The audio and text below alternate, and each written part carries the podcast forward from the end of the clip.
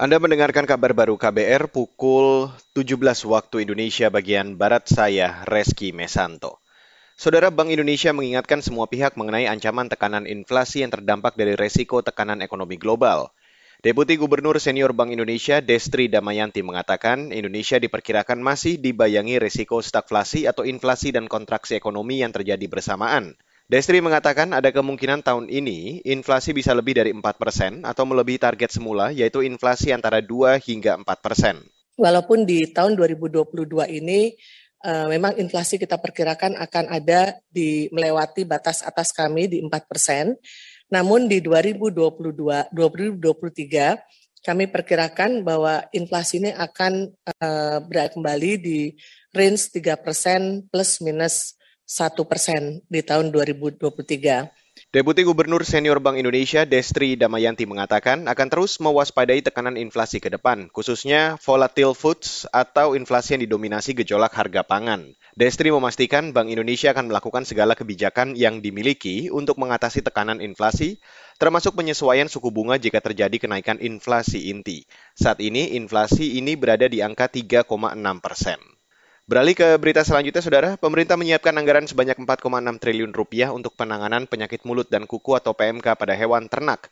Anggaran itu naik dari semula 4,4 triliun rupiah. Sekretaris Jenderal Kementerian Pertanian Kasdi Subagiono mengatakan, anggaran tersebut antara lain untuk pengadaan vaksin sebanyak 43,6 juta dosis.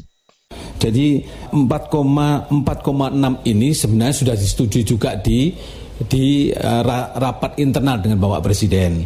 Nah, yang saya maksudkan tadi review itu untuk mendetailkan Bapak, untuk mendetailkan rincian daripada kegiatan-kegiatan yang mana yang oleh evaluasi DJA nanti dianggap kurang atau bahkan dianggap lebih itu bergeser setelah itu.